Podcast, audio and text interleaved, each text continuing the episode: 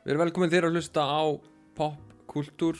Ég heiti Sigur Róniki Helmarsson. Ég heiti Tómas Valgísson Í þessari viku ætlum við að ræða það sem má kalla svona, sko, cherry on top er þetta besta. og hvað maður að segja, svona skánin í klósettinu er það besta. Ég býstu því, ég, tókst alveg fram með orðið botslef en, en skáni í klósinu er eiginlega betra Já. Svona í takt við veðrið sem er búið að vera vont Þannig að nú erum við svona að skoða það sem vont hefur verið Við fylgjum tíðarandarum, sko. Já, Um, en við ákveðum að, að hérna, pósta í grúpuna Bíófíklar sem við stofnum á sínum tíma.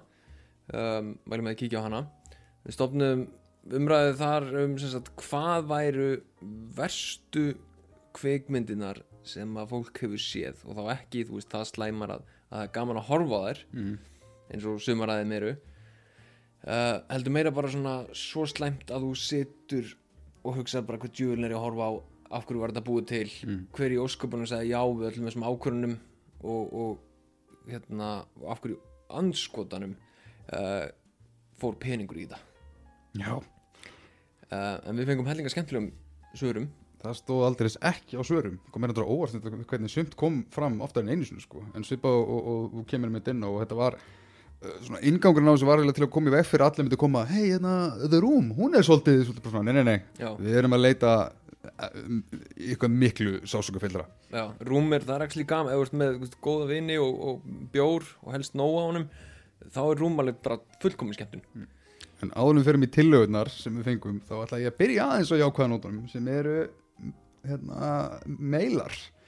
Við fengum skemmtilegar uh, já, þú veist, innsendingar í gegnum og uh, verður að taka fram að það er hægt að senda á, okkur eða bara beint á Messenger eða gegnum kvikmyndir at kvikmyndir.is og ég ætla aðeins að hérna, byrja á því sem Alex skrifar.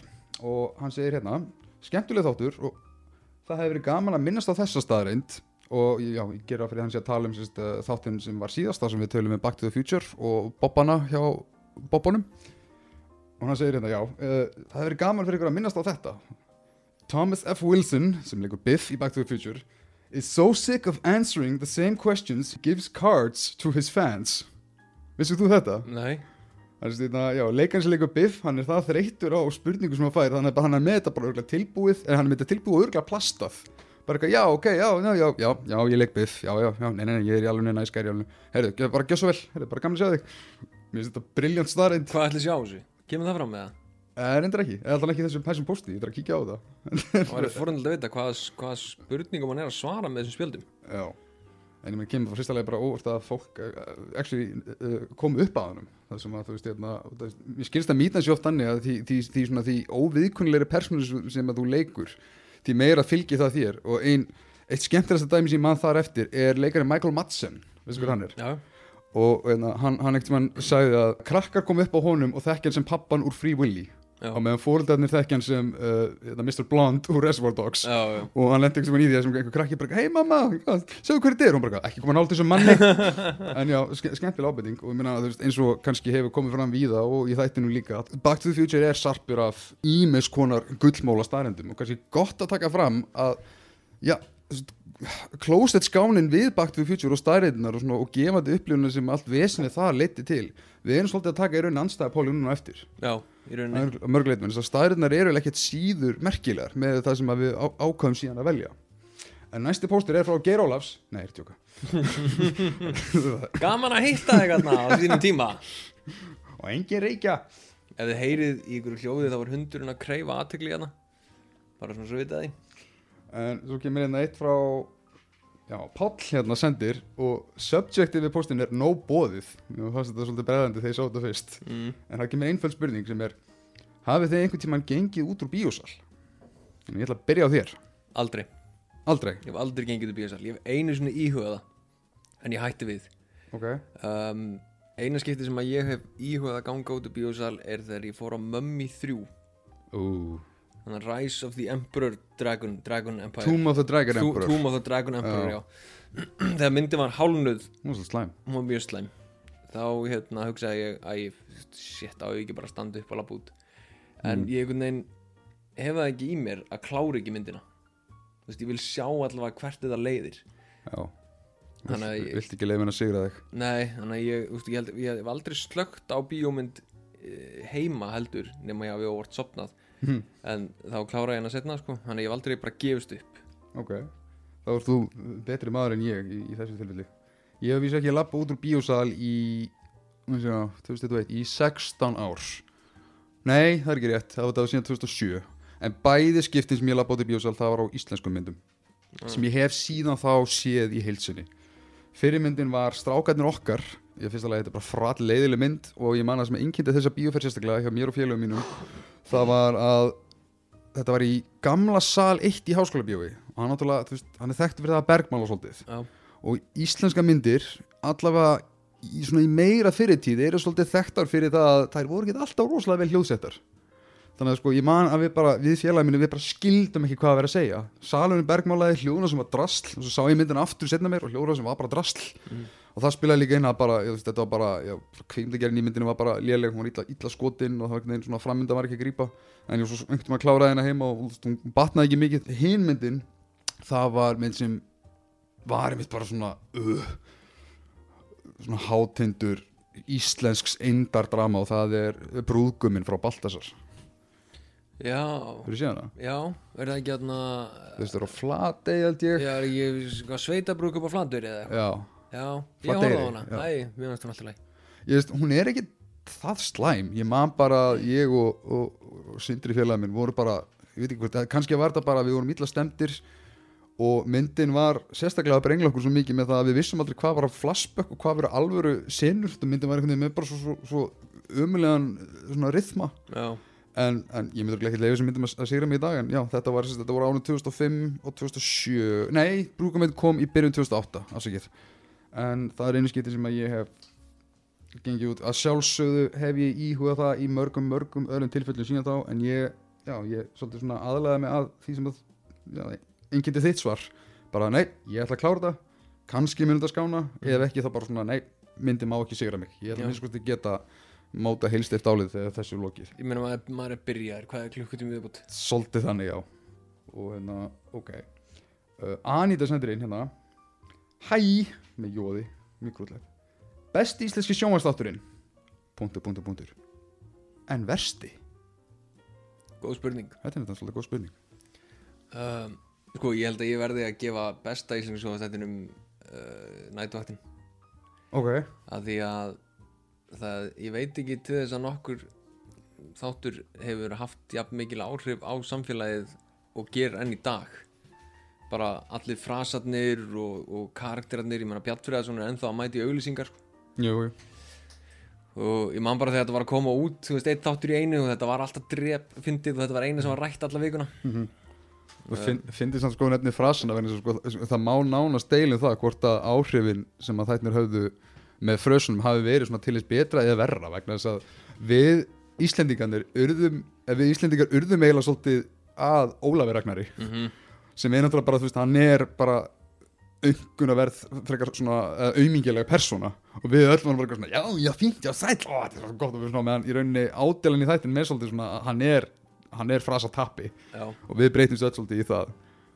Uh, Fyndið þú segja nætuvættin, ég myndi segja dagvættin já, ok. Ég fílaði nætuvættina í klessu. En svona eftir að heilda myndi fá mér að móta svona setna mér með þá, þú veist, að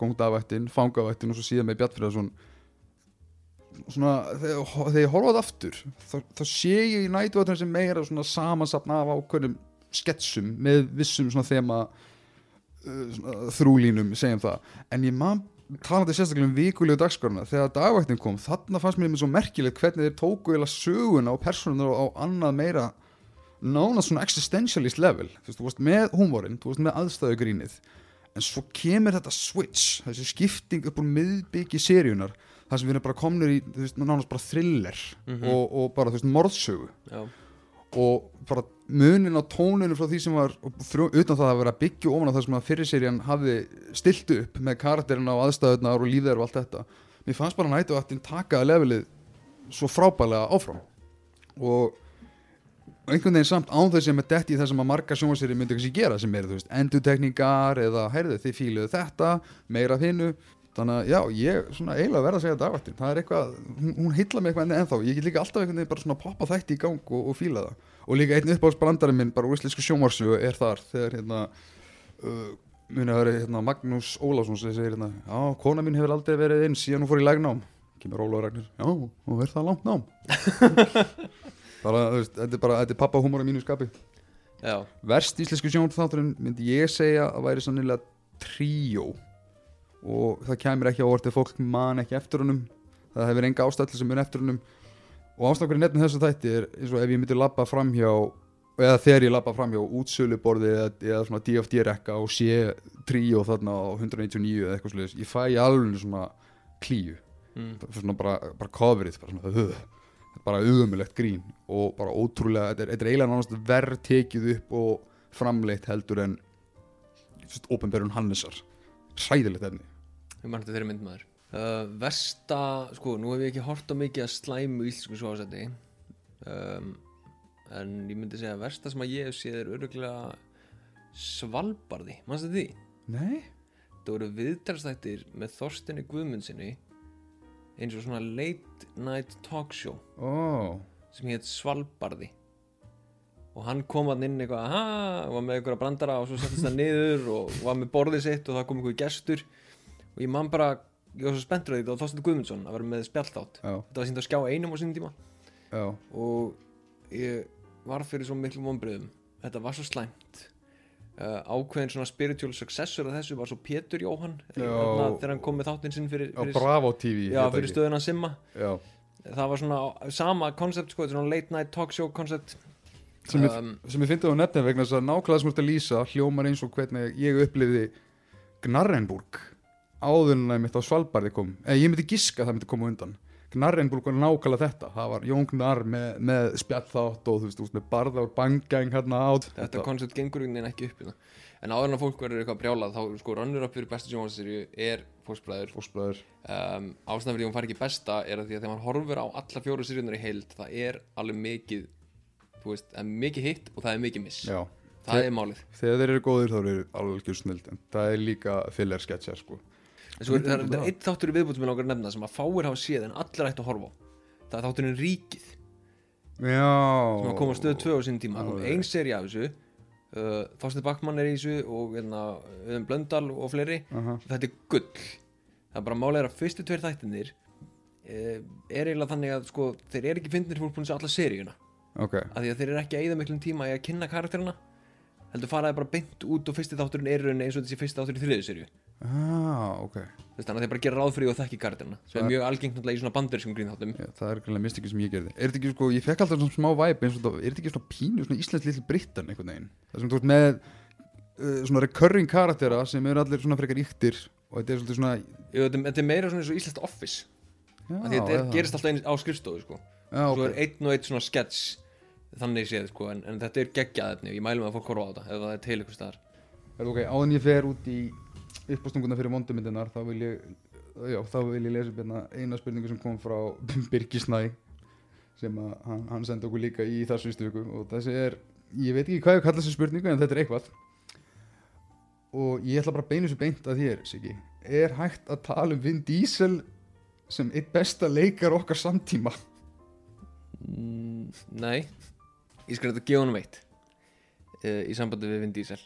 Það er til á YouTube vídeo eða svona stuttmynd sem að Vin Diesel bjóð til.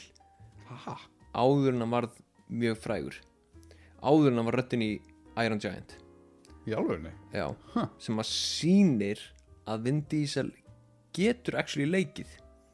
Hann bjóð til þessa stuttmynd út frá því hvað hann átti mikla erfiðleika með að vera ráðin í hlutverk. Að því hann upplifði það þegar hann kom til Hollywood að hann var ekki hvítur hann var ekki svartur, hann var ekki spánveri hann náði aldrei hlutverkum að því hann var alltaf er bara oður já, þú ert bara of blandaður. Já, og þú ert of massaður. Já, og þú ert með of djúpa rödd og þú bara, sorry, þú fyrtir ekki þetta og fyrtir ekki hitt. Og hann bjóti stuttmynd út frá þessari upplöðun sem er actually mjög góð ok. og, og sýnir leikhæfileika.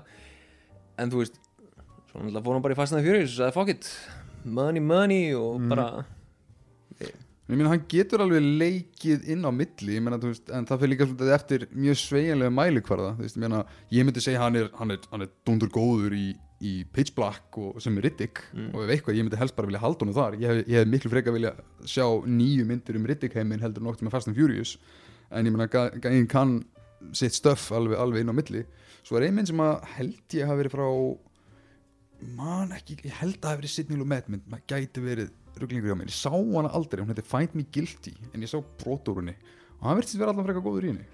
Hann, allan, hann, hann virka allan mjög, mjög sjálfsögurugur og svona með, með, með nýja leiktakta. Kannski eitthvað með það að gera á með hórkvöldu Já, en nei, Birgir hann er ekkit besti leikari samtímans. Hann gæti verið svona gott dæmi um einhverja bestu hvað segir maður, svona, svona star power stjörnu samtímans. Þess að ef mér skjáttlast ekki þá er hann með hvað mest lækuðu Facebook síðuna ever, Já, ég las það ekkert mann að engin, á, engin stjarnar með, með læksíðu hefur, hefur þann fjölda sem að Vin Diesel er með og það er alveg og, og reyndar það er alltaf einhver gæi sem kemur reglulega á Brask og er að selja Vin Diesel krossin Ha? hann kemur svona einu svona ári og er að selja Vin Diesel krossin þetta er eitthvað kross sem að Vin Diesel er með í fastnaði fjúriðis eða eitthvað. Og selur hann á 1500 gall stykkið þetta er eitthvað svona að panta af Alibaba eða eitthvað. Gæinn poppar alltaf svona reglulega upp. Vin Diesel krossin komin aftur. Ég veit ekki hvort það sé bara ennþá með sömu byrðir frá 2001 eða eitthvað en gæinn kemur reglulega sko. það, það sá kann að harka sko. En ok, yfir í það sem við veldum ekki sem, sem vondamyndin. Svo komið mér reyndar óvart. Það er alveg þó nokkrir í grúpunni sem stungu upp á Pompeii. Paul Closet Anderson myndinni. Ég hef ekki séð hana. Ég, hún, sko, þetta, er, þetta er allt í lagi mynd á mæli hverða Paul W.C. W.S. Anderson mynda þetta er, þetta er, ég myndi segja þetta sé competent betur en restin djúrmyndar. Já, ég veit, ef eitthvað, ég myndi jafnvel segja þetta sé bara með hans betri myndum Svona á eftir sennilega hvað, ég veit ekki, Death Race eða Mortal Kombat og kannski þessi Þetta er svona einhver staðar svona í miðunni Já. Svona þannig sé, já, svo koma Resident Evil myndar og, hérna, og ég hef aldrei fílað Event Horizon og, hérna, og í sér slotti verð ég að taka fram að Three Musketeers er hérna alveg efst en ekki af þeim ástæðum samt Já, í versta myndi Já, já, svona, hún er, ég myndi setja hún í sér slott Já. hún, hún, er, hún er ræðileg en hún er líka dásamleg. Hún er, Já, hún er nefnilega geggjuð en gjössanlegt rusl. Og ég hvet hlustundur eindreið til þess að leita uppi þá mynd. Uh, Andri Einarsson stingur hérna upp á Dragon Ball Evolution Pompeii, Mulan væntalega þá nýju Disney rýminginu mm. ok, vel gert. Og Batman og Robin. Já, ég er sammála ég, sko, ég er sammála Múlan að því leiti sko að veist, hún er bara drefleðileg bara ekkert að gerast í þessari mynd, hún er hundleðileg en hún er ekkert eitthvað það skelfileg sko. um, Batman Robin getur verið skemmtileg. Já, uh, undir réttum kringstæðum en Já. það er samt erfitt að fara í gegnum hana. Það er það það. Er mjög erfitt, hún, er, hún næri ekki sömu sko, skemmtana, næri ekki saman skemmtana gildi og rúm til dæmis. Af því að hérna. Robin, Batman and Robin er skemmtilegri sem YouTube supercut.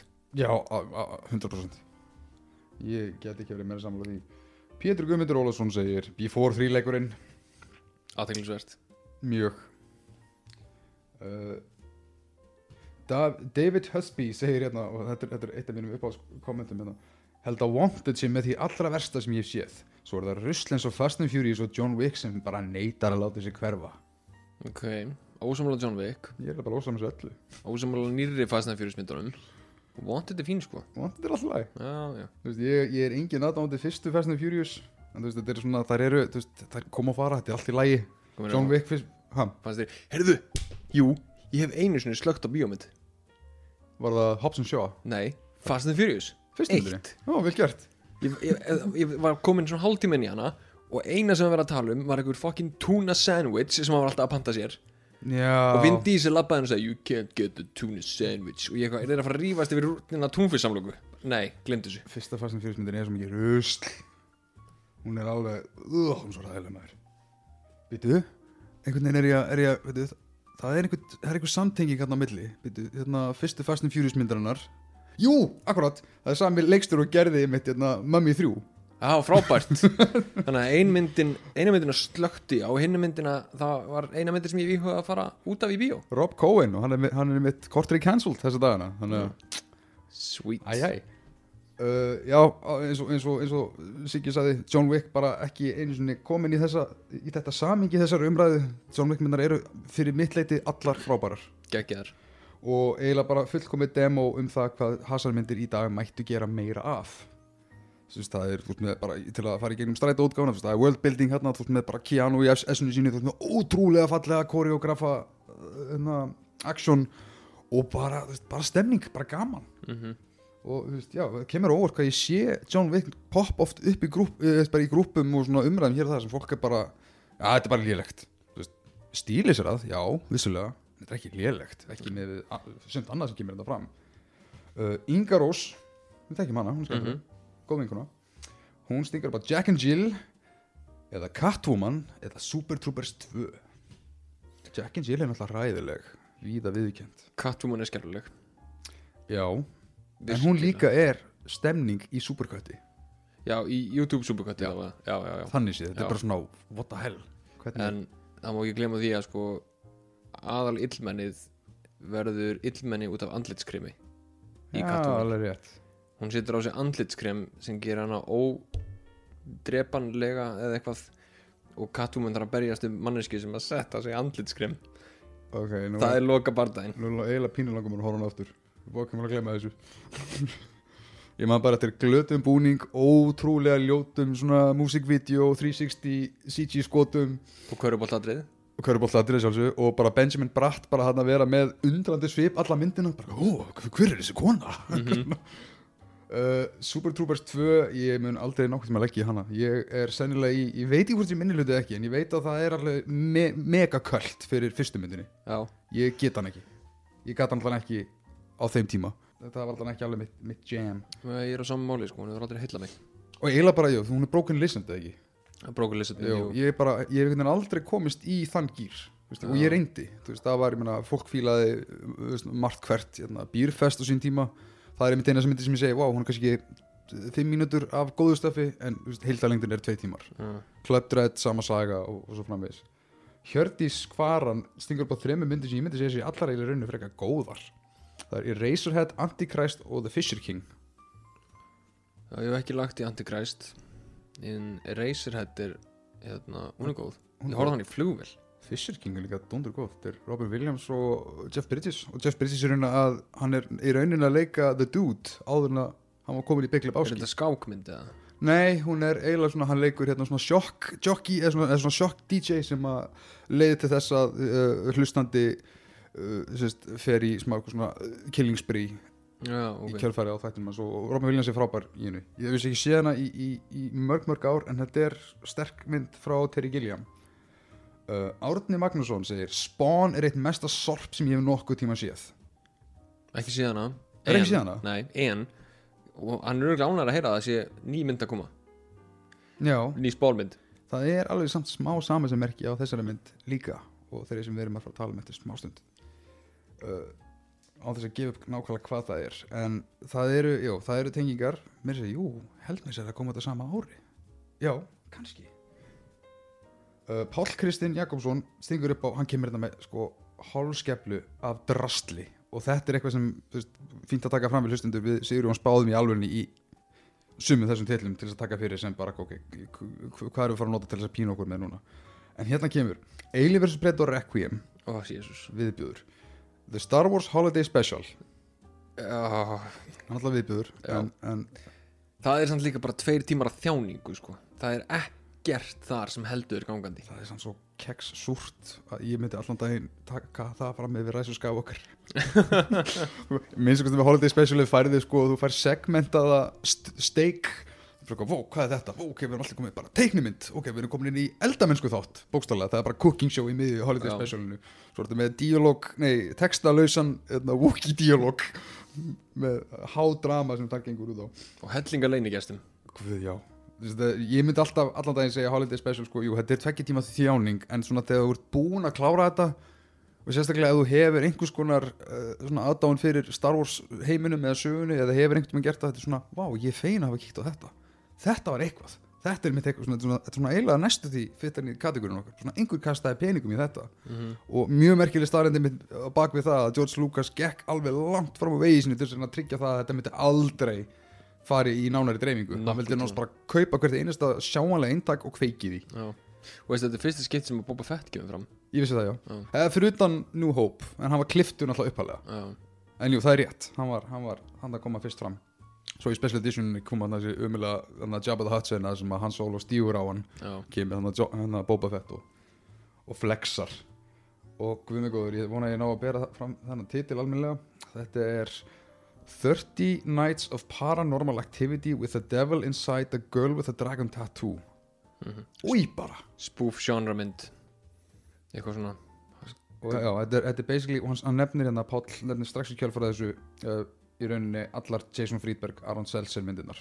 Já, og þeir eru náttúrulega, þú veist, þeir eru nánast efni í sinni eigin þátt, ég verði eiginlega nánast að taka undir það, þetta eru í rauninni mennirnir sem var svona hálfpartin myrtu spúf geiran og það að þeim gekk einhver tíma vel með myndum eins og já, Date Movie gekk vel ex- uh, Epic Movie Epic gekk Movie gekk sæmilega vel. Og í- ein versta bíóminning mín í, bara í minni uh, tilveru tengist þeim mitt Epic Movie. Þá var ég, ég fór sérst, uh, til bandaríkjana var í Boston.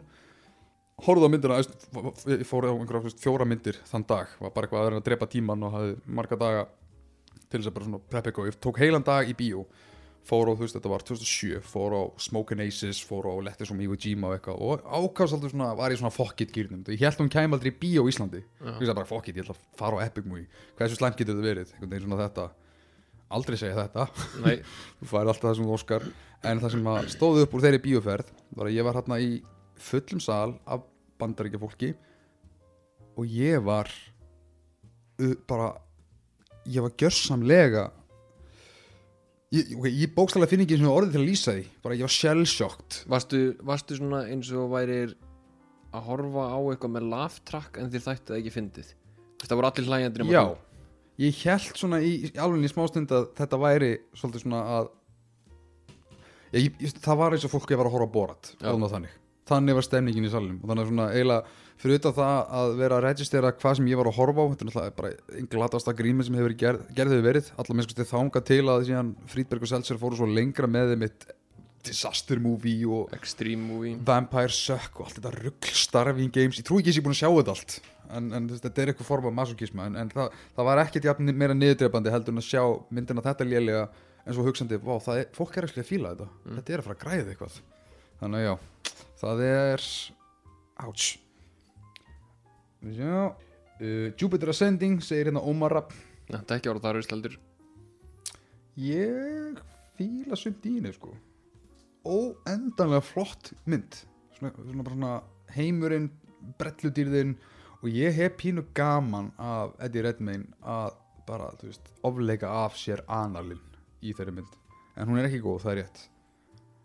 Og síðast og langsamlega síst myndi ég segja áðurinn fyrir myndið sem ég fyrir múti Mikael Þorsteinsson stingur upp á hérna Grown Ups 2 Já. Sko, að horfa á Grown-Ups, ég fór á Grown-Ups í bíó. Ég líka.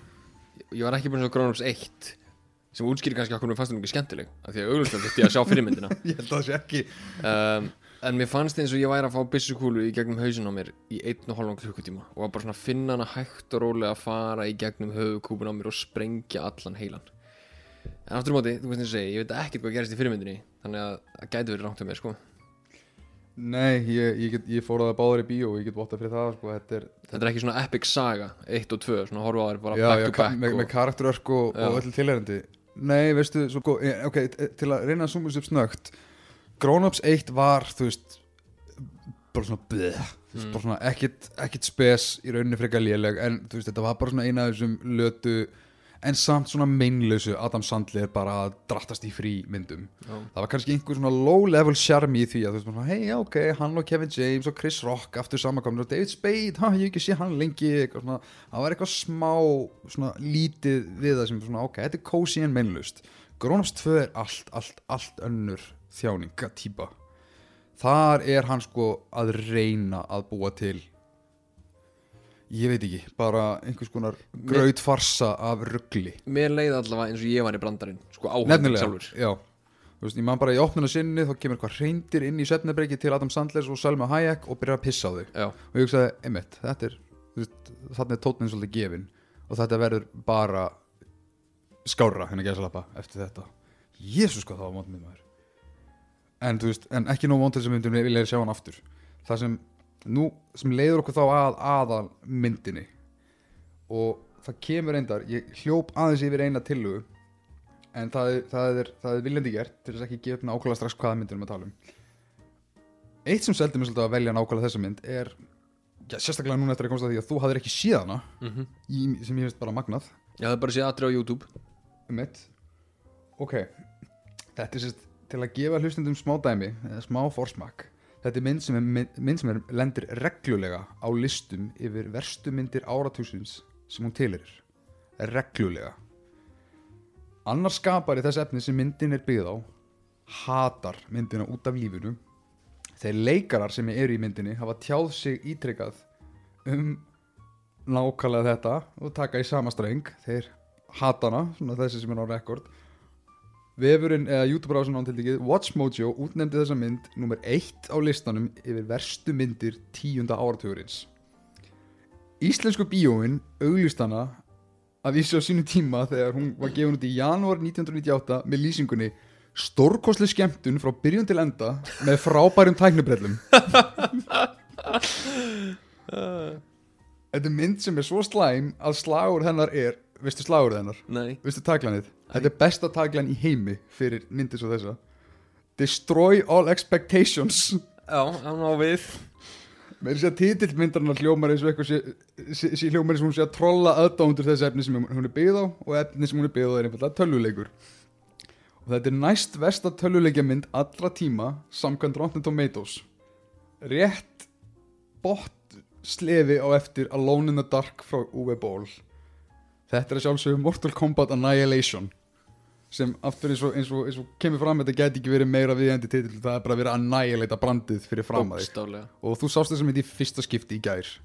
Ég sá, já, ég veist geti Ef þetta var ekki copyrightað þá hefði ég viljað spila akkurat núna Mortal Kombat lagið á 100 En við fengjum örgulega copyright strike á og vilja meiri hlutana af bara svona hljóðbútum eða svona soundboard klippum úr henni sko. Já. En, En- hérna, já, ég var að sjá hann í fyrst geti Já, ég, ég hef haldið að þú veist bara frá þínum PSX stugum að þetta væri náttúrulega bara svona, svona, svona busavíksla, svona skilduáhorf að í það minnsta kynna sér svona ákveði, ákveði level á botninum. Já sko, hér er vandamálið. Ásta og ástæðan fyrir því fyrst og fremst að Ég hef ekki séð þessa mynd. Ég kynnist henni á YouTube. Mm -hmm. Í hérna atriðinu það sem að sem að ég komst svo að á er, er bara í fyrstu fimm minútum á myndinni og held alltaf, held alltaf að þetta væri svona í lok myndarinnar en kannski miðju myndarinnar sem eitthvað svona plot twist. Mother. það sem hún segir Mother, you're alive.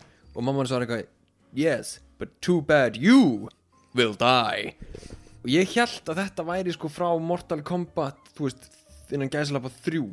Einhverju mynd sem hafi komið sko svona mitt já. 2000 Akkurat, hérna uh, Mortal Kombat Rebirth eða Le- Legacy, annarkort Já, ég held að vera úr þeim. Já, og ég hugsaði, þú veist, að ok, já þú veist, eitt er, það er litið ágætlega á hana. Aha, ég hef ekki hort á hana sjálfur, ég hef ekki nefnt hinga til. Uh, Númer tvö er örgulega bara svona meh og svo kemur þetta kvikindi akkurat. með þessu atriði. Það var það sem ég held ég vissi ekki að þetta atriði væri úr 97 myndinni Mortal Kombat Annihilation því ég hef alltaf séð þetta YouTube-vídeó bara með titlinum Worst Screenwriting in the History of Cinema. Uh Mér finnst það magna að þú hafir ekki eins og séð fyrstu myndina og það gerði þér þessu upplifun ennþá meira bara svona perplexing myndi ég segja sko. Það, já, ég, er ég vísa á þenn í fyrstu Mortal Kombat myndina sem einmitt yfirleitt talin einn af skárri myndum Paul Closet Anderson. Og það er ímsað ástæði fyrir því. Fyrsta lagi hún er, er þokkalega stílísk hún er mjög beinskeitt og tekur náttúrulega bara þú veist kíló sparka tölvuleik í rauninni eins vel og ég myndi halda hægt væri að gera kvikmynd úr því sem veist, heldur sér einhvern veginn sko. fyrir utan að sjálfsögða hún er veist, PG-13 hún er, veist, eina sem vantar í hana er, er blóðbæðið svolítið svona tennurnar. Mortal Kombat dæmið. Þannig séð, en, en, en ef þú serðu einhvern tímann fyrstu myndina, það myndir svolítið sjá, sérstaklega út frá Mortal Kombat Annihilation þannig serðu í rauninni, þú veist, hvað þetta er örgulega dúndur, bara drullu fokkin erfitt að gera, veist, mynd úr þessum leik. Já, vegna þess að, þú veist, já, fyrsta myndin hefur stefnu hún er þokkalegar fyrir sinn tíma brellur, hún hefur atmó hún er alltaf líka, þú veist, og jújú, jú, ég skal leifa því að fylgja með, þetta er eitt besta þemalag allra tíma. Mortal Kombat! Sem náttúrulega nú tvö nota líka sjálfsögðu. En já, það er eitthvað við, við þess að fyrstu mynd sem ég hugsa svona "Þetta- þetta er fínt, svona miða við þetta er, svona, þetta er eins og að gera mynd úr þú veist, ég veit ekki, Tetris eða Frogger. Þetta er bara svona, Eða já, kannski Battleship. Eða bat, já, nákvæmlega. Ég fíla Battleship, þetta er bara svona, já þeir, þeir gátu þetta með það sem uh, lág frammi fyrir þeim. Og Mortal Kombat Annihilation er svona já. Nei, nei, nei, nei. Alls ekki. Það er líka sko það er eitt sem að ég hugsaði alltaf út í gegnum alla myndina og það var hérna Raiden mm. hann leikur hann þessi gæi ég man ekki, man ekki James Remar ég man, man aldrei nafna á þessu gæja en hann er í hinum á þessum hlutverkum. Þetta er alveg leikari. Mm. eini leikarin þannig séð í allri myndinni sem maður svona kannast við. Um, og ég gat ekki hægt að hugsa hann versus Gandalf. Að því Lord of the Rings kemur út fjórum mánum setna já, hversu ógeðslega miskastaður þessi gæi er í þessu hlutverki. Að ég hugsa ok, fjórum árum eftir að þessi mynd kom út þá fór fólk á Lord of the Rings. Sá Ian McKellen í hlutverki Gandalf sem er hann, þú veist svona við, við, Vi- við, já. vitri vitri galdrakall sem leiðir hópin áfram. Já. Í þessari mynd leikur hann sama þannig séð vitra galdrakall sem kemur inn og útskýri plotti fyrir öllum. Já, og leiðir hópin áfram og ég get ekki hægt að hugsa um hvað hann er típiski, þú veist, bandaríski pappin í öllum myndum og svona, hann vanlega einhvern veginn svona að ég bara svona, já, þessi gæi hlutverk. Uh og passar enga veginn inn í þessa mynd. Nei, sem ég fyndi út í að hann er náttúrulega leikinn af Highlander leikarnum Christopher Lambert í fyrstu myndinni. En Já. hlutverkið er nákvæmlega sama. Hann Nákvæmlega. gerir ekkert nema bara svona poppa inn og út útskýra svolítið reglunar útskýra plottið og svo bara ég er farin, bæ sjáumst. En það finna við þennan guður sérstaklega ef við förum aðeins í gegnum myndina svona pínu, pínu skref fyrir skref að, þú veist, ég á mjög konfliktað furðulegt samband við þessa mynd. Og finnst hún bara að vera, þú veist, hún, hún, hún á skilið allt það diss sem í rauninni er hægt að, er hægt að kasta framann í hana. Það eru element sem díunni sem ég finnst bara goddamn drep fyndin. En ekki, þetta er meira svona mér líður eins og Joaquin Phoenix í Jókernum þetta er svona, þú veist, að hlæju gráta. Já, og og ég kynnti mér þess að mynda aftur í gær líka. Ég held ég hef ekki séð hana í svona ég veit ekki, minnskosti tíu ár. Þannig ekki frá, ekki frá aðtölu, ekki út fyrir einhverju YouTube-klippur eitthvað þess- og þar og fyndið einmitt, ég fór mér strax að huga að reytin og hvað hára hann var að gera með brjálaðan. Mhm, í einu skotinu er hann bara með allt hérna bara flaggandi, svo hann komið tagl. Mhm. Svo í næsta skotinu, hann aftur komið allt flaggandi. Og ég er bara svona, ok, þetta er, þetta er strax bara komin tákmynd alls þess sem er að myndinu hún er bara hróðvirknislega viðbjóðslega samsett. Og þetta er náttúrulega líka endurstreikað af því að já, lína sem hún nefndir ein versta lína kveikmyndasögunar bæði, bæði leik og handiskrifum þetta er á innan við fyrstu fimm fokki mínútu myndarinnar. Og þú veist, hún tekur upp þráðið nákvæmlega sem hinn myndin endaði og við tekum bara veist, þetta er bara shit happens, the movie. Drasl gerist og líka þegar þú kveikir á henni og sérstaklega eins og í mínu tilfelli að hafa ekki séð fyrstu myndina en aftur á múti, ég hef spilað leikina mjög mikið og þekki alla karakterina og sögutráðin sem að gerist. Og ég veit alveg hvernig fyrsta myndin er út af því að það er sami sögutráður og í, í leikinum Mhm. en þessi mynd byrjar og hún byrjar á okkur ríkapi mjög slæmur ríkapi af fyrstu myndinni. Já, eitthvað, það var mót og Liu Kang vann. Bara ok, svo byrja bara myndin. Og allt í hennu sjá Khan mættur og mamman er mætt og ég eitthvað svona ok, mamman hlýtur að vera með stórt hlutverk í hinni myndinni. Nei, hún kom ekki fram í hinni myndinni. En það er engin fyrsti akt. Nei. Það er engin fyrsti akt, það er bara hann er komin að ráðast alla og það eru sex dagar eftir þannig til allt fyrir fjandans. Við höfum sex dagar til að laga þetta. Og finna við það mér sér að þegar myndin endar þá segir hérna Carter Jacks eitthvað what a hell of a week. Og ég ángríns upphátt sagði var þetta vika þegar myndin var búin af því að þú veist þetta er myndin er einn og hálfu tími og hún gerist eins og sé að gerist á þrenn tímum sko. Aha. það er ekki sjens að þetta er að vika Ég líka sko fyndi að, að horfa á þessa mynd og bara framvinduna eins og leggur sig er svona, ég fekk, ég fekk þessa tilfinningu að, að framlegendur hafði byggt kannski svona samalagt svona fjögur, fimm sett og hvert sett er alveg þú veist, hvert skipti sem það kemur svona set piece þeir eru að draga það á langin hér eru að fara að vera í smá stund. Við ætlum að nýta setti fyrir hvert pening. En finna ég sko, þessi mynd er rán dýr eða hún, hún, sko, hún hel mikið dýrar en fyrir myndin.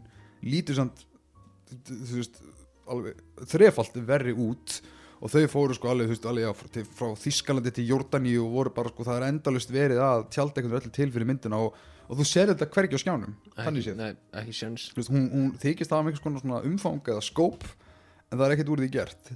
En þá er ég að spyrja sem einhver sem þekkti leikina þannig veist, og fínt að taka líka fram að það er að fara að koma reboot eða þú veist, við erum að fara að fá enduræsingu á Mortal Kombat á þessu ári. Alveg big, big budget. Já, frá framleitt af James Wan þú veist, frá Conjuring og, Insidious og sem er þess að gera því Fast and Furious 7 er hægt að gera ekk, ég, ég vil ekki segja þess að ekki hægt að gera góða mynd úr einhverju X-hugmynd, ég menna þú veist það var hægt að gera frábæra mynd um Lego, þú veist, það er aldrei hugmyndin þarf að gera vond, það er bara framkvæmdin. En þú ert með leik sem er basically bara, þú veist, svona hvað myndi ég segja, íslensk orðið svona- svona button smashers. Já, þetta er bara svona fight them up eða eitthvað. Já, bara, þú veist, bara, literally bara slagsmáluleik Þú veist, án þess að svolítið, já, ráða svolítið á materialið Er hægt að gera eitthvað mikið við það? Þannig séð ég meina, þú veist, þessi leikir eru veist, þekktir í dag fyrir það að vera í rauninni þessi típa af leikjum svona fight them up, þú veist, eins og Street Fighter og Tekken og það nema actually með sögutræði það er mikið lagt Í Mortal Kombat? já, Ok. Þú veist, það er mikið lagt upp úr sögutræðinum það er, að einu leikinnir af þessu, þessari tegund sem eru með story mode og fyrir gegnum heila sögu, sko. Þannig að sagan er til staðar. Og hún er náttúrulega bara eins og hún er í fyrsta leiknum. Og fyrstu myndinni. Ok, ég er sko, ég, ég spilaði, finna þér, ég spilaði bara veist, ég, ég, ég, ég daðrað af og til við að skilur taka mjög stutta sessioni á Mortal Kombat bara þannig, bara þú veist, í two-player mót og þannig, og ég spilaði, þú veist, gömli lengir á Gameboy eða eitthvað, þú veist, á, á 90s tímanum, en ég er aðalega samt mest kunnur bara fyrstu myndinni og í rauninni samt karakterinu og einhver leiti lórinu en þú veist, eins og segja, á fyrsta myndinni er svolítið bara, þú veist, þú ert eiginlega bara þrepað upp í keppninni, þannig að þú veist, þannig að og mér skilst að, þú veist, þannig að það er sögutræðar út fyrir það Já, það á, sko, ég held að minni fastlega að sögutráðin sé í rauninni, þú veist, keppnin er í gangi og það er þessi galdrakallina að sjá Sun eða eitthvað, hvað hann heitir. Shang Tsung, já, Já, og hann er að reyna að taka yfir heiminum eða, sjá, þú veist, eða Shao Kahn. Neða sjá hann er hann stóri vondi kallin já, hann er að að taka yfir, þú veist, heiminum eða, þú veist, jörðinni í með þessari keppni.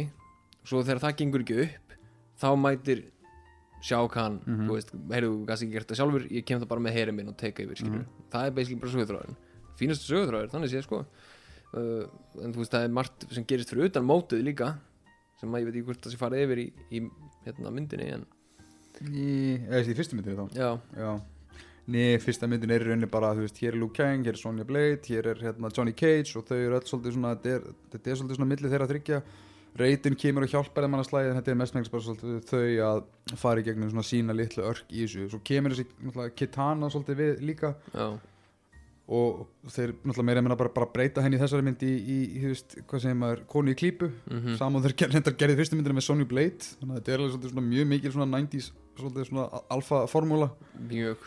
Og þegar maður, þú veist, já, maður er komin þú veist, tímyndur kortur inn í Annihilation og hún er náttúrulega bara þú veist, það er erfitt að segja að veist, það er erfitt að búast við öðru af mynd sem er byggðarleik sem er bara næsti bardagi, næsti bardagi, næsti bardagi þessi mynd er það en af hverju er það svona leiðilegt?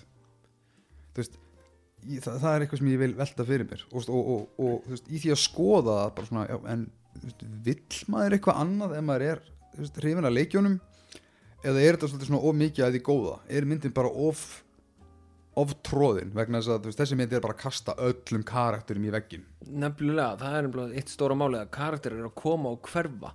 Þú veist, þeir eru bara, þeir eru eins og bara strá í risastórum bala af hegi, sko. Þú veist, þú farið þarna inn tvo íkoniska karaktera, Sub-Zero og Scorpion. Sem komið frábærlega út í fyrstu myndinni, ég vil taka það fram. Já, þeir mæta þarna í þessari mynd og hann er eitthvað, ah, Sub-Zero þú ert, hvernig þú ég drap þig? Nei, ég er bróðir hans. Já. og eh, hann eitthvað er þarna og berst eitthvað smá við Skorpjón og svo kemur hann aldrei aftur. Skorpjón kemur líka inn í sama atriði íkoniska línan hans Get Over Here kemur fram þegar hann kastar fram spjótunni sinu og svo öskrar hann líka Suckers! Já, sem að ég er þetta grenja og hlátur yfir. Tekur hann ekki tann og öskrar Suckers! og hverfur sem er bara einn besta lína í sögu kvikmynda bara ever. Þetta meikaði ekkert sens uh, en svo kemur hann aldrei aftur fram. Það kemur aldrei aftur. Hann fór með, hann rændi aðal Kittönu. já, aðal konun í myndinni. Fór inn í eitthvað portal og sást aldrei aftur. Kemur aldrei aftur. Og, og þetta er sko, þannig eru við komin hvað, þetta er þriðja bardaðsenn í myndinni og þú veist, við erum valla komin hvað tímyndu kortir inn í myndina. Og eins sem ég verð að taka fram líka er að stuttu áður þá er einmitt, einmitt svona einhver, einhver bardaði við einhverja minjóna þarna, þú veist, hvað heita þeir? Þetta er eitthvað svona, þeir eru bara, þeir eru alltaf þeir eru með kilfur sem þeir noti ekki og þeir eru ekki nefnum bólum já og það finna þeir allavega í dag þú veist, það er skúter tónlist undir þessum barda Já, einmitt. Það fire lagið og veist, ég ætla ekki að segja að passi illa en þetta er samt bara eitthvað svo þetta er eitthvað svo komist og líka sko náttúrulega hluta til ástæðverið myndin bara virkar ekki þannig að þú veist, jú, jú, þú ert með barda það er verið að sína barda, það er verið að sína karaktera en bardaðnir er ekkit sérstakir. Nei, og líka sko þeir einkennast alltaf mikið af eins og ég nefndi hérna, í einhvern þætti uh, 2000, 2010 tímabilið svona, svona flogaveikis upptöku. Já, það er klift svona 30 sinnum fyrir hverja tvær mínútur. Já, og eitt sem ég tók sérstaklega eftir þegar ég horfa hann ekki er það er líka að ef einhver er að gera veist, backflip eða ef það bara í, í heljastök eða tekur eitthvað svona grand move þá, þá er þetta svona svo sprengjurnar í gömlun 80s og 90s myndunum, það þarf að sína veist, aftur og aftur Mhm. og aftur frá mismöndi sjónahortum, þannig að maður bara svona neina hætta þessu og það þarf að vera slow-mo og meira slow-mo. Og eitt sem var að gera mig líka alveg trilltan sem ég var búin að stein gleyma er að veist, þetta er svona svipað þegar þú ert að button smasha fjastenninguna, þeir hætti ekki að hoppa. Já, ég var hættið að hoppa svona mikið. Þetta fór að vera algjörnum brandara þegar Reyden og hinn er að, að, að berjast á þrjára eptæla setna í myndinni Mhm. og þau eru bara í ballett. Já, og þeir eru líka sparkandi í loftið á móti ykkur öðrum Já. þeir sparka fjóru sinnum í áttuna ykkur öðrum í loftið en það er líka hérna, karakterar að hverfa þú veist, sögurþráðinu meikar ekkert sens það er ekkert samhengi í þessu. Um, þú veist, í einu aðrinu kemur þarna fyrir Líó Kang í ykkur, ykkur eðimörk og hittir Nightwolf um, og hann eitthvað, ég þarf að leggja fyrir þig þrjú test svo þú getur bjargað Kitönu og eitthvað, ok, hann er að fara í sagt gegnum eitthvað svona þryggja testadæmi, cool. Uh, nema hvað Nightwolf rótar hann til að svæfa hann fyrir fyrsta testið Mhm. uh, og setur hann í svona Eitthvað, drauma state eitthvað sem að, jújú, jú, þannig séð alveg passar við svona indversk eða svona indjána menningu nema hann gaf honum ekki þetta undan. Ekki glemma því sko, hann er hann líka sérstaklega settur inn í handriti til að kynna fyrir honum konceptið sem við minnir að sé á leikjónu sem er eitthvað hann að það var Nightwolf er úlfur og hann, veist, hann er kynntur inn í ramman bókstala sem bara úlfur og, og breytir svo aftur gegnum ömulega tölubrellur og segir svo It's my animality. Já, it's my animality. En svo bara hérna rótast Liu Kang og Nightwolf hverfur. Og Liu Kang klárar ekki eins og þessar þrjár Nei, til- þessi þrjú test. Þessar þrautur eru bara kaput Hann fyrir gegnum eitt test svo berst hann við ykkur að stelpu þannig að Jade og spyr, er þetta setna testið? Og hún svarar hann ekki. Og segir eitthvað, þú voru að koma með mér til að bjarga henni. Og hann eitthvað, ég er ekki búið með testið mín ætlar að bjarga henni ekki? Hann eitthvað, "Ah, ok, cool og fer með henni bara, ja, fuck, fuck these tests setti bara eitthvað að Tókstu eftir líka hvað þessi mynd notaði mikið endurteknum skotum? Já, til dæmis þegar þeirna alveg í blábyrju myndarinnar þegar þú veist það eru gæjar að veist, bara þeir koma hérna bara fallandi af, af himnum ofan og, og, og, og fara að gera einhver heljastök þeir heita eitthvað sérstætt, þetta er eitthvað svona þú veist eitthvað Defenders of the Realm eða eitthvað þannig, þú veist, ég kalla það bara minjóna. Þetta er bara gæjar sem er rosalega miklu og oftast með einhverja, einhverja lambúsettur. Mhm. Og hérna og já, bara strax í fyrstu römmunum þá ertu bara að sjá ok, þetta skoðir hana, þetta skoðar aftur. Og og já, svo bara heldur þetta áfram að færibandi, hér er karakter hér er Smoke, Smoke er farinn hér kemur Cyrax, Cyrax er farinn. Já, og þú veist, það er ekkert líka því þessi mynd alltaf það líka vera PG-13 þannig að veist, þessi mynd er morandi í bardögum en það er engin svona, engin rithmi við þessa barda þetta er bara í rauninni hyperclift við í- í- 90s tónlist og, ímis þannig sem var svo sem líka hlutið til vandamáli í fyrstu myndin en eins og í fyrsta myndin hafði allavega aðeins meiri rithma við sig. Allavega í það minnsta jafnilega barda sem það voru leiðilegar það leittu þeim minnst yfir í næsta kapla framvindunar þú, veist, þú, þú gast allavega að séð svona remotely það var einhver smá tilgangu með þessu. Allavega oftar en ekki, það var ekki alltaf þannig. Þú veist, ég meina, hún, svo mynd var líka þú veist, hún er morandi göllum en hún er, skemmt, hún er skemmtilega gölluð. Þessi mynd er bara what the fuck allan tíman og þú veist þú veist, ég meina já, það, veist, það er hérna það, er- það, er, það er hoppið, það er karti kynningarnar og svo líka finnst ég með talandi um reytin hann veginn bara svona af engra ástæðu ákveður að í klippingu já. í meiri mynd og allt í henni búið að aflita hárið á honum. Og hann eitthvað, you like my new look? Bara, þetta var svona þetta er svona eins og hérna Steve Buscemi mýmið. Þetta, hey fellow kids.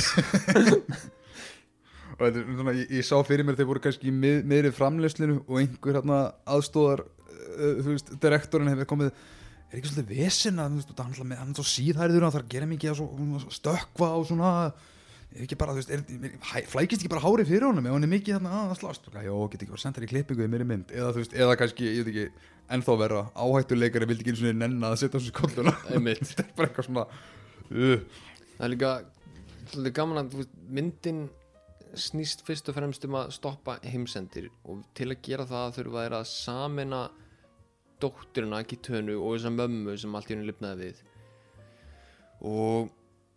reytin veit það frá nánast fyrsta augnabliki myndarinnar. Myndin byrjar, sjá hann kemur segir ég að drepa alla hérna. Og mamman eitthvað, ég er lifandi. Og svo fara þau ofan í jörðina og reytin segir til að stöðva þetta það verðum við að samina þig og mömmu þína saman. Ást sigrar allt. Jep. og þá strax var ég svona byrju, hvernig vist, hvernig vist það? Hvernig vist að þetta er svarið? Að því að svo er stort plott hluti af það sem maður kallast plott í þessari mynd að hann fer í tempul guðana til að vita nákvæmlega hvernig á að stöðva þetta. Og þeir segja samin af mömmun og dótturina. Og hann er eitthvað, já, ok, cool. En þú, Gaur, hvernig vissur þetta frá fyrsta atriði? Þú veist, það er meikar ekkert sens í Ég er ekki nú með það, það eru aðri karakter sem segja þetta reglulega bara eitthvað, af hverju þetta, hverju- ég meina Sub-Zero eins og nefndir áðan, eða bróður Sub-Zero. Af hverju þetta gerir þetta fyrir mig, ég er ekki þetta fyrir hana hún er Já. líkillina þessu öllu. Einmitt, hvernig vitið þið það? hvernig bara, allir að þessu, bara, greinilega er þetta ekkert leyndamál okkur þarf þetta að fara að tala við guðina til að komast að þessu? Hvernig lási allir handritið á undan og líka sko hvað ég, ég, það er reyndar ég líka bara svona andvarpaði feitt. Eitthvað þau eru komin neðanjarðar á fyrstu á myndinni og allt í henni bara, heyrðu, við erum með boltana Já, við erum með leini bolta sem að geta farið milli hvaða staða sem er í heiminum bara nokkru mínútum. Þannig að þið, farið þið til, þú veist, eins og segja Jordaníu eða eitthvað, við ætlum að fara hingað og það tekur bara nokkra mínútur svo eitthvað, hvernig er þetta hægt? Já, við byggðum bara um göng í gegnum allan Já. heiminn, eða alla jörðina og hitin frá kjarnajarðarins jarðarins ítir okkur áfram eitthvað, what the hell? já, þetta er svona það er ímyndunafl í þessu, en þetta er ekki gott ímyndunafl og veist, ok hvað hva fæstur um Jax og allt hans það ég, vil taka fram sem einhver sem er ekki sér fyrstu myndina Jax kemur aðeins fram í fyrstu myndinni. Mm. allt annað leikari sjálfsögðu og notabenni það er búið að skipta öllum leikarum út nema sá sem leikur Luke Kang sem er Robin Shaw og Kitana sem er Talisa Soto. Flott, veist, flott fólk en þú veist, ekki mikið um leikhæfileika í þeim í, í fyrstu myndinni en hvað sem, það litla sem var til það er enn síður hér. Og Jax kemur þarna fram aðeins aðeins nummer eitt og hann er mjög uh, central þarna núna. Nema núna er hann komið með hérna, styruðu robóta hendurnar. Mm og það var eitt aðrið sem ég náðast öskur hló yfir og það var einmitt tengt Jax þegar veist, allt í henni kemur bara þú veist, eitthvað tölvubrellu ælu skrýmsli og er að fara að ráðast á Sonju Blade. Aha. kemur svo Jax og byrjar að kýla kvikindi í rassin gefur því eitthvað svona 5-6 högg og ræðs og gefur svo eitt höfuð högg á skrýmslið og hvað gerir skrýmslið? það bara hörfar aftur. Er bara fer. Og fer. Bara, uh, neip, I'm out of here. Bara blökkum að mig ég Já. sko, hvað, hvað, er í gangi í þessari mynd? Þú veist, Mortal Kombat hvað? Hva- fólki kemur og fer eftir henduleika og þú veist líka með við hvernig gangu sem að bardaðan er. Þetta er einhvern veginn já þetta er svona meira líkt einhverjum bara svona- einhverjum slow-mo ballett bara það er eina, eina orðið sem er dættir í hug og sérstaklega með út já þeirra sparki í lofti þeirra flexa svolítið. Þetta er mestmenglis það þetta er svona þetta, þetta er svona move flex dæmi sem að svo sem ekki, leikindir eru alveg líka en En uh, að því hún nefndi Jax sko, það er eins og 100 sögundanir hafi hlustað á NWA já, plötunar allar bara back to back og skrifað Jax út frá þeim að því að þetta er örgulega ein stereotypiskasta svarta manneskja sem þú finnur. Hún er svo illa skrifuð að þegar þau er að segja eitthvað við þurfum að fara til Shao Kahn í hérna tempulið hans og hann eitthvað we checking out that guy's crib? Já, og þetta er eina mjög mörgum svona úber illa skrifuðum línum bara svona já hann segir þetta því hann er svartur og hérna, þegar hann, hann uppgötar handleikinu sína þessa, þessa, þessa vélrænu hérna í fyrsta skipti fyrsta sem hann gerir er að hú húa kemur líka hú that's Já. what I'm talking about. That's what I'm talking og about bara svona það er bara svona kaldan svita af, af kjánur holli. En hvað, þú, hvað hafa leikararnir sagt? Já, það sem, er sem að tóku þátt í að búa til þetta monstrosity. Robin Shaw Luke Kang hefur ofinberlega viðkjönd að hann er engin aðdáðandi myndarinnar og eitt mjög skemmtilegt dæmi hérna líka og því að uh, þú tekur eftir því strax aftur í þessum öllaríku fyrstu 5 til 10 mínúndum ég myndi neins, já, frekar næri 5 heldur en 10 Johnny Cage er náttúrulega drepinn bara strax. Já, hefnasti leikurinn aðeim öllum. Já, og þú tókst mæntilega eftir það voru svona, svona Tekken level, svona 90s, nei, nei, með svona anime level, svona speedlines sem hann fekk þegar hann tekur svona stökkið, svona Aha. sparkstökk. Og hérna sérst, ok. Uh, hann, Johnny Cage var uppalega leikinn af manni sem heitir Lyndon Ashby og þeir einhvern veginn fengur bara annan leikar í staðinn sem er merkilega mjög líkur húnum eiginlega öllu leiti en hann er einn af það fái sem sko, framleiðendur náttúrulega vildu fá alla aftur.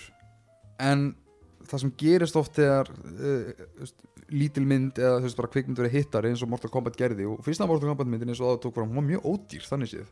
Eða þú veist þetta er alveg mikill peningur kannski sérstaklega árið 94 og 5 þegar, hún var í framlöslu og kostaði 80 miljónir og grætti svo yfir veist, 120 miljónur heimsísu sem, eða, eða, jú, myndi ég giska sem er alveg svolítið nettur peningur. En það sem gerist þá er að þá vilja allir sem að myndinu komu fá svolítið og helsti fram, framleiðandinn sem heitir uh, aðalframleiðandi myndana sem heitir Lawrence Kasanoff þetta er, þetta er mikilvægur ég mun eftir honum hann var svolítið alvegndi fyrir að basically segja bara nei, veistu, ég er ekki að fara það fær engin meira borgað. Og, e- og hann bara eiginlega frekar frjálslega var, var tilbúin til þess að veist, koma þessari, þessari hérna, ákvörðun til varnar. Og eitt, eitt, eitt, eitt, eitt kvótbútur sem ég fann var frá þessum framlegenda það sem hann sagði hérna og ég er búinn að þýða þetta hei, Warner Brothers náðu skiptum bakmæleikar og það gekk vel. Og, og Lyndon Ashby, hann vildi snú aftur þess Johnny Cage en, hérna, en já, hann, hann, hann fekk ekki launahækunu sína og svo er við hérna, samkvæmt sögum, hann fær handriti afhent og, er, og, og basically bara sagt við hann, gjör svo vel. Og hann tekur svona ó. Mm. þannig að veist, þannig að í rauninni já, þeir vildu bara borgarn misli lítið og hægt var þannig að þeir á, vildu bara, bara drepa hann strax í byrjun myndan eða þetta var líka gert bara til þess að myndi bakka út sem hann gerði og Lyndon Ashby sagði uh, í setni tíð og þetta er bara, þessi setningi er alltaf góð til að ekki nefna. Hann segir bara þetta, the second movie sucked ass. What fucking morons.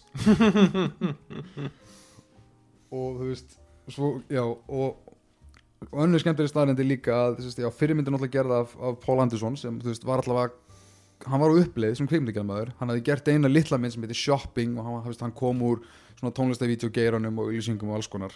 Hann alltaf var með einhvers konar chops.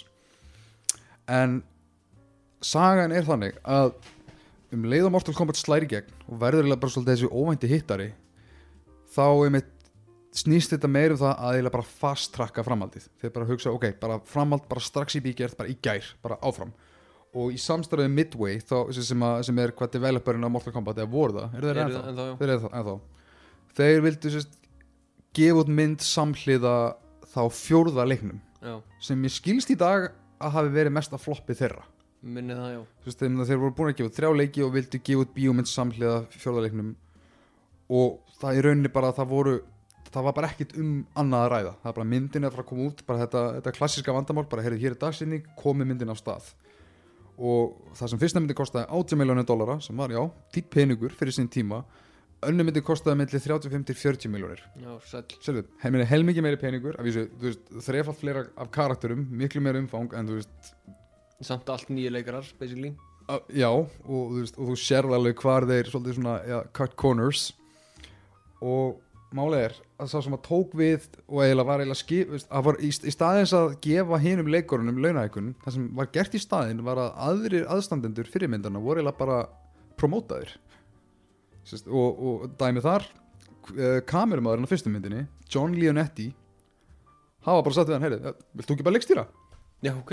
Þannig að hann, hann gerði það en þetta var maður sem hafði enga reynslu af leikstjórn hann hafði eingöngu verið bara á bakvið kameru hefur ekki fallega hluti að segja um þessa framlýslu þannig að þú veist það var bara það voru ýmsar hugmyndir kastaða fram.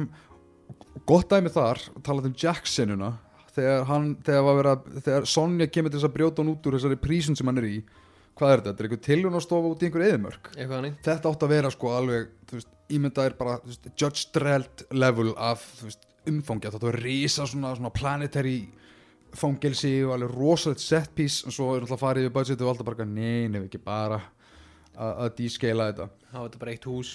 Það var einn höfundur sem, sem stóða fyrstu handisöndur sem stóða fyrstu myndinni. Þeir voru þrýr á þessari. Greinlega kannski allir bara aðvinna á dyrra skala.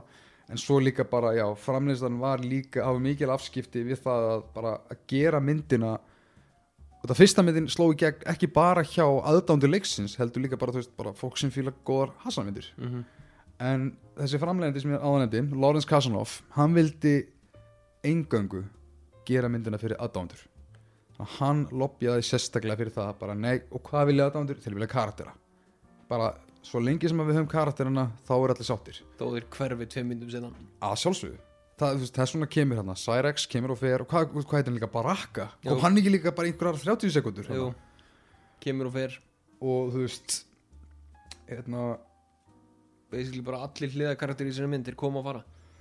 Já, og veist, þessi framleysla er alveg bara plöguð af ímsum svona sparnar aðferðum þrátt fyrir það að umfangi er miklu meira heldur en uh, leikstjórun Leonetti ræður við, veist, hann hafði aldrei það er veist, þetta er náttúrulega ger ólíkar típur af að gera ólík ferli þú veist, við erum bak, bak við kamerun og setja allan fókus í það þegar þú ert leikstjórn, þú ert að svara þúsund fyrirspurtum á dag. Að vera rauður eða guðlur og þess að vera svona, hvernig á þess að vera og gauðum var alltaf bara, þú veist, alveg gjásanlega það var yfir þyrndur af, af ákvörunum en það sem er líka mjög þekkt við þessa framlýslu er að myndin var gefin út ókláruð þrátt fyrir hann að auka pening og þrátt fyrir allar þessar sparnarleðir og sagan þar á bakvið er svo að það átt að gera annað svona bypass af brellu og klippiferlinu. Mm. sem sagt að myndin var ekki fullkomlega læst í klippinu. Það átti mögulega allavega svona að snirta til klippingu sem gæti kannski verið eina ástæðan fyrir því eins og veist, það eru, þú ert með endurtekinn skot þú ert með fyrðanlega rithma. Bara, þetta er bara mjög ófín slípað. Og og líka bara með öll tæknabrellu sko, allar tölubrellunar og þetta er alltaf, er á tíma þar sem að CG er ennþá til til að ónt og þú ert ekki, þú veist, þú þarf svolítið mikið að, að nostra við það. Ég tók eftir einnig tæknibrell sem vantaði. Sem vantaði, Já, hver, hver var sem hún? bara alveg vantaði. Ég eftir því. um, þegar reytin ætlar að opna eitthvað portal þá Já. gerir hann fyrst með hönduna sína og gerir eldingu. Og eldingin hverfur og hann- og þau eitthvað, þú getur þetta reytin þú getur þetta reynda aftur. Og hann reynir aftur og byrjar og hann stendur bara með hendunar leikarinn stendur bara með hendunar að leika eins og sé elding og ég var að horfa á þetta og ég, það var svona það er ekki alveg beint náskot á honum, þetta er lítið fjarskot og ég horfði á þetta vel og ég hugsaði það er engar eldingar í höndunum á honum. Og svo allt í hennu opnast portalinn og við fáum close-up skot af honum að opna portalinn ennþá með hendunar upp lofti guð. og það er engin elding. Það priceless En já, þessi, þessi, þessi bastard framleiðandi Lawrence Kasanoff sko, meirhlutinu því sem hann segir er náttúrulega bara, þú veist, þetta er basically bara hann er svolítið svona holdgerfing businessmannsins. Hann sérst, hérna, allavega það er sérst, Núline Cinema sem að framleiti báða myndinar þau ákveða að nýta sér þetta ráklipp og hugsa, ok þau byrja svolítið að tappa í úrið og hugsa að það er svolítið, ok leikun er að fara að koma út og við þurfum að fara að læsa klippir og þetta. Herðu, getum við hvað með að prófa að sína myndina? Þetta allræmda ferðlega með að pröfi sína myndir. Já, uh, sérst, já, oftast er mítan svo að það er alltaf tekið bara eitthvað fólk í molli en það er enda rétt. Mhm. Oftast er það svolítið þannig það er bara, bara einhver fókusgrúpa. Nema ég mér skilst að það í þessu tilfelli hafi, þeir hafi meira reynd að targeta aðdándu leiksins. Það sem að gleymist alltaf að taka svolítið inn í myndina þegar þú ert að pröfi sína myndir sérstaklega ef þetta er eitthvað sem er brand eða eitthvað sem er, þú veist, hvort, það getur verið næsta Star Wars mynd eða næsta Marvel mynd eða what have you þú ert ekki að fara að fá mjög margtæka niðurstöður. Fólk er oftar en ekki bara ánægt að vera með því fyrstu til að sjá myndina. Já, það er nákvæmlega myndi ég giska það sem gerist þarna. Allavega núlæn testar myndina fyrir pröfisal og viðbröð voru bara through the roof þvílíkt jákvæður bara hafa bara aðsögn framleiðandast, það var bara klappað og það var alveg stappað og allt þetta tilhærandi og, og hvort það hefði verið Kasanoff eða einhver annar hjá núlæn það var alltaf að tekið svo ákveðinu bara heyrðu myndina að playa bara fínt, við getum gefið hana bara út svona. En þeir voru hvort sem er komnir yfir budget. Einmitt. Þannig að þeir eru meila bara svona jú, jú, þetta ekki, sleppið ekki bara? Þetta er ekki hvort með krátið sem við viljum? Og leikuna fara að koma, þannig að bara hendum þessu út. Þeir gera það og þú, þú sér náttúrulega hvernig þessi mynd eldist og ég nefndi hérna Spawn rétt áðan og ég, mér minnir að hún hafi líka komið út 97 hún er, hún er einmitt allræmt fyrir bara verstu típunar af eitthvað svona Nintendo 64 brellu skotum. Það sem bara, veist, þetta, er bara svona, þetta, þetta, þetta myndi ekki einu svona komast á par við prívis skot í dag. Þannig að þetta er bara afbríði í orðsins fyrstu merkingu sem mynd. Þú veist, þú horfir á hana, hún virkar ókláruð. Þú horfir á hana, hún virkar eins og lélegt fanservice var, var þetta lagað eða? Er þetta ókláraða myndin sem við vorum Mynd, að horfa á myndin sem við horfum á í gær þetta er myndin, þetta er ókláraða myndin að sögn. Já, við ættum að útskýra alltaf til þess að okkur vantaði brellunar í þessu skoti sko. allavega þú veist hvort veist, við vitum ekki hvort að framleiðendur hafi bara sagt það til að reyna einhvern veginn kofra raskati sitt sko, ef ekki. En sögursögnir herma allavega það að hérna, eða, eða fyrir ekki, heimildir herma það að, að það átti alltaf að taka annar reynsli af myndunum. Og málir í, í bransanum í Hollywood er oftast reglan svo að veist, ef eitthvað gengur illa veist, ef eitthvað er bara pjúra flop þá er fólk oftast meira einhvern veginn svona til í að tala um hvað fór Já. skilurðu. og það var svolítið þannig að fjölmjöla kannski spyrja, "Ah, hvað, hvað, hvað gerðist og þannig að það- þeim mun líklega til, ertu til að fá opnari svör sem að, sem að verðist vera tilfelli þarna og eins og segja á annar skapari Mortal Kombat leikina, hann gjör sannlega fyrirlit þessa mynd og leikarnir, flesti sem voru á rekordi þeir fyrirlit þessa mynd og þú sérð alveg vel af hverju. Er, hún er svartur blettur hjá þeim öllum. Já, ég ætla samt að segja það sko að þú veist, ég veist, jú, jú, hún er ekkit eitthvað þetta er ekkit skemmtileg mynd en mér leittist samt ekkit vola mikið á hana sko. Nei, en hún er hræðileg að öllu leiti en þú veist, mér fannst bara svo aðteglisvert að, að horfa á hana. Þú veist, hún er ekki hún er eiginlega bara svona upplifun að horfa á bara eina verstu mynd sem gerði hefur verið af því hún er virkilega hræðileg. Og það að gefa sér einn og hálfan tíma í að horfa á þetta það er ekki einn og hálfan tíma sem þú einhvern veginn sérð eftir. Þetta er meira bara svona vá hvað þetta getur verið slæmt. Satt. Ég reyndar allavega í gær, ég var komin í svolítið sko og ég hef, nota bene þetta ég hef séð myndina allavega svona fimm sinnum áður frá því hún kom í bíó. Já, það, það er náttúrulega alveg fjóru sinnum og mikið sko. Já, og ég ætla að fara aðeins út í það svona rétt ánum fyrir að, klára þetta hérna og eftir veist, þetta, þetta förðulega opbeldisamband sem ég hef áttu þessa mynd. En eins og ég upplifði hann í gær þetta er einmitt, jú, svolítið eins og segir hún er ekki leiðileg en á sama tíma það eru sprettir í myndina sem ég bara hvert, hvað er þessi mynd að gera? Já, það hún, hún freymar sig hérna alveg strax í blá byrjunni að þið hafið sex daga til að stoppa mig. Og svo bara, ok, og þau eru bara þú veist, karakterar eru hérna röltandi og vafnandi um eins og hausleisar hænur. Mm mætandi hverjum og einum og svo finnur svo mikið fyrir þessum fillerum eins og þarna þegar þessi þrý reptælar koma. Hva, hvað í anskotunum er þetta að það er filler? Nákvæmlega. Þetta er það, bara svona, það er líka eitt við það atrið að reytin fyrir að berjast þess að þrjá reptæla á meðan að mamman, hann að drottningin you will die drottningin er lifandi. Svo þegar þeir eru búin að berjast við reptiles þá er eitthvað svona, herri já við rótuðum hana uh, þetta er ekkert mál sko. Hún er bara rótuð, hún liggur hér, við náðum henni. Þannig að, þú veist, bara gera það sem þú vilt gera. Ég er líka að tala um, þú veist, talandi um endurtegningar í, í plottinu svo kallega, þú veist, þau koma sér á þann stað þar sem að Kitana á að uh, finna þetta, þetta, þetta Disney touch hérna með, þú veist, ah, ástin sér allt og þú veist, hún er hann að koma til að konfronta mömmu sína.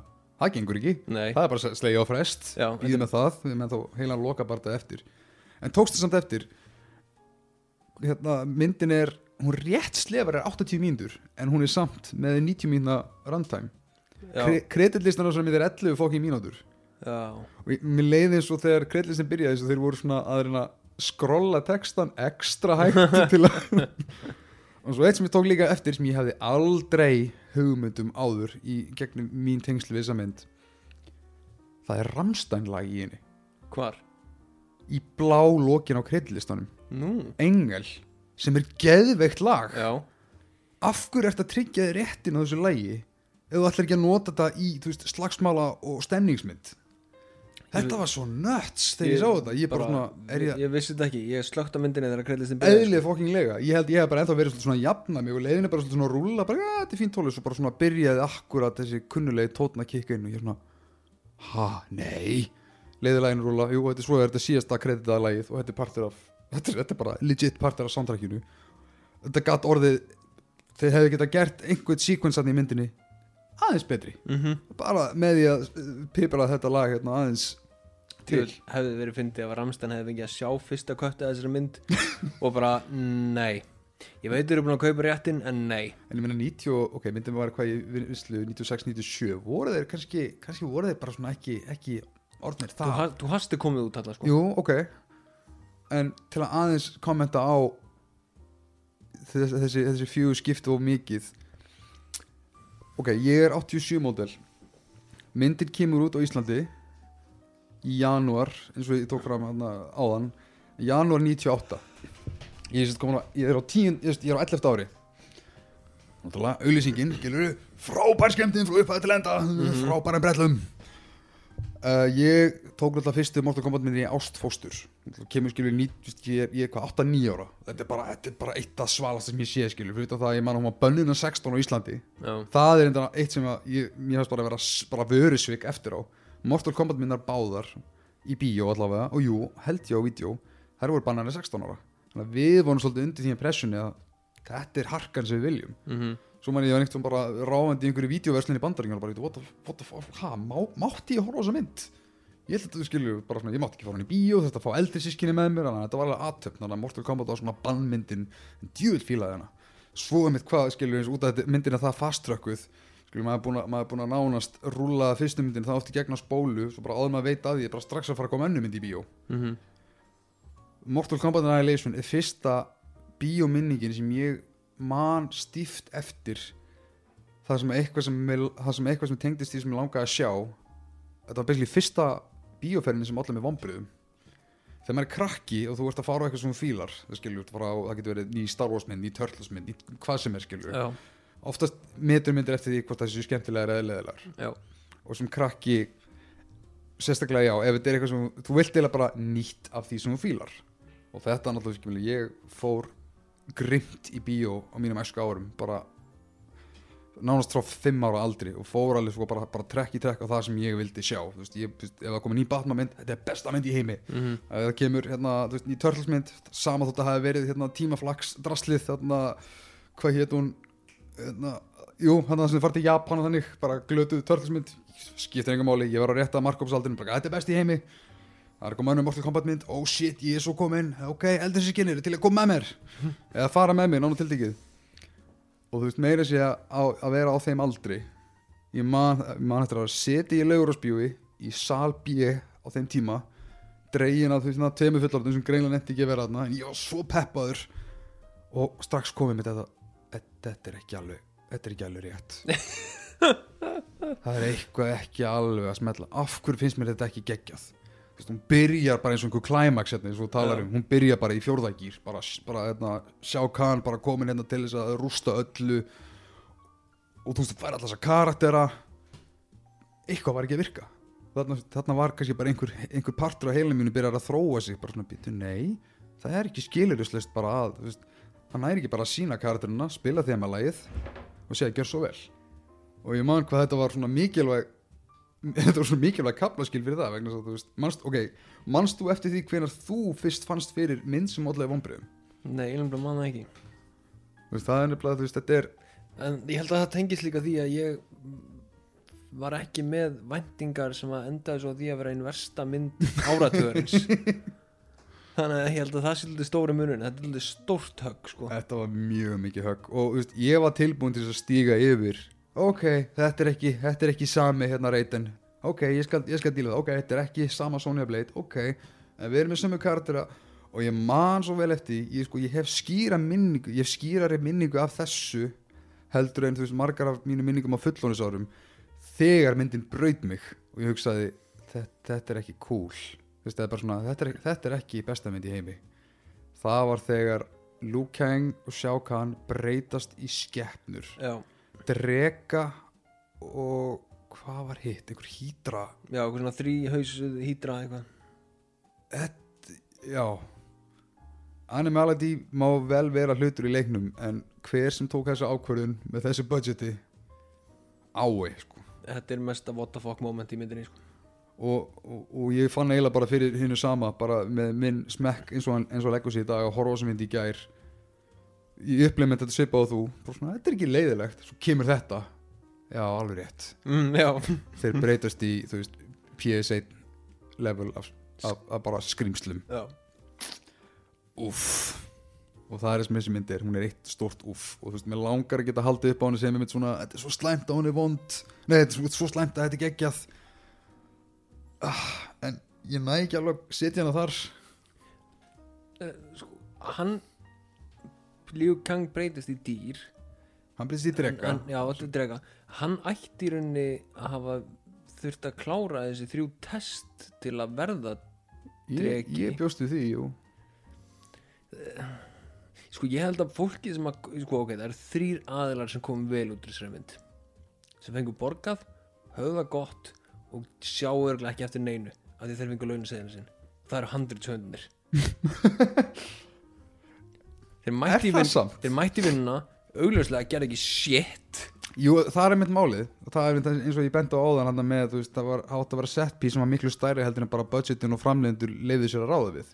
Þeir sáu fyrir sér eitthvað miklu meira grand. Þannig að mögulega er ágætt handrið eitthvað staðar. Ég myndi giska það. Eða svona, ég myndi giska að það hafi alltaf verið eitthvað effort lagt af þessum þremur mönnum vegna þess að þú veist, það vill enginn sem er starfandi í svona bransa gefa út eða, skrifa handrið sem er að fara að jarða mögulega að, þú veist, og sérstaklega ef eitthvað er flopp. Það er ílt bara metið, ok, þú veist, ok, hvar er orsakasamingið, ok, þessi mynd floppaði. Hver skrifaði hana, veist, ég meina, það er þetta mörg viðtölu á YouTube sem eru mjög áhugavert by the way, við einn af þeim sem að koma handriðan á Battlefield Earth og hvernig svo mynd bara rústa á honum. Þetta er bara maður sem að hérna, sérst, hafði svolítið hérna, vildi byggja upp svolítið svona, svona sitt credibility en svo var hans handrið bara tekið og hann hlúta þegar allar þessar furðulegu hérna, hvað kallast þetta svona stjættafélags eða svona gildreglur í, í bandaríkjanum, sérstaklega í Hollywood þar sem að þú kannski skrifaðir staf í handritinu í loka útkominni en þú veist bara út af því að handritslæknir sem tók yfir, hann má ekki verið kreditaður. Þannig að það er bara skrifast á þig þetta rusl sem blasir við þér. Já, já. þannig að það er svolítið svona sorglega staðnindinu bak við það. Þannig að þeir kannski komið vel út úr því tímabundið. Já. Fengum kannski ekki mikið af fleiri störfum eftir þetta. Það, það verður skemmtilegt að fletta upp en rétt án við klárum vil ég benda á það, náttúrulega Paul Closet Anderson, hann slapp við búlett þarna, mm hann vildi gera Ev- Event Horizon í staðinn. Sem mjög veist góð.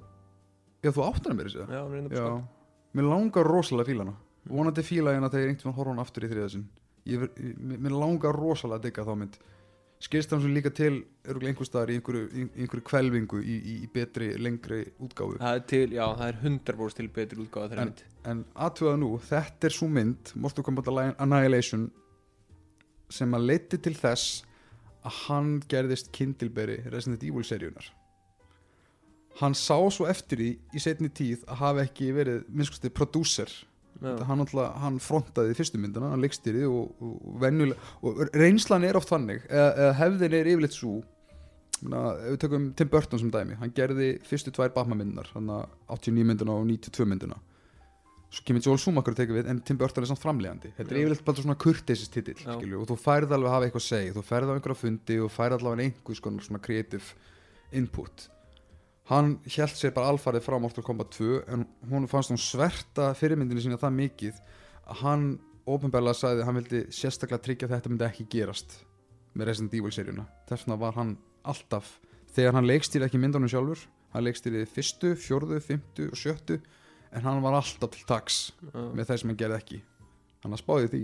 Það er heldur magnað sko en, en að því sögðu, ég myndi örglega samt einhver tíman á næstu fimm árum horfa frekar aftur á þetta sorp sem við vorum að ræða núna heldur meiri hlutan Resident Evil myndunum. Já, ég samlega þar. Og þessi þáttur var í rauninni bara ein stór hérna, bara, þú veist, surprise allir saman, þetta var ein stór auglýsing fyrir nýju Pól Andersson myndina töluleikjamyndina Monster Hunter sem er í bíó. Já, mm. Alltaf þannig tíma, við erum rauninni bara búin að dálega ykkur í að fara fara á nýju Pól Andersson myndina sem er líka um töluleik, Og- töluleik. og eða halda væntingar í skefjum fyrir eh, komandi rebooti fyrir Mortal Kombat. Já, en, en, en ég meina samt ekki, það er kannski bara hægt að fara upp á Já. við, upp úr þessu. Hlýtur að vera. En allavega þið eru hérna hrifin af þættinum endilega, þú veist, subscribe-ið hvað sem þið hlustið á Spotify Apple Podcast eða podcast.com eða það til uh, hendi í fimm stjörnur eða hress og hérna sendu okkur veist skilabóðum um hvað þið værið til að við myndum fjallum eða eitthvað ábendingar eða annað slíkt annarkvort bara á okkur á Facebook eða á kvikmyndir.kvikmyndir.is 100% og Birgir hérna, ég legg til að þú leggir aðeins má Vin Diesel áhann til hliðar.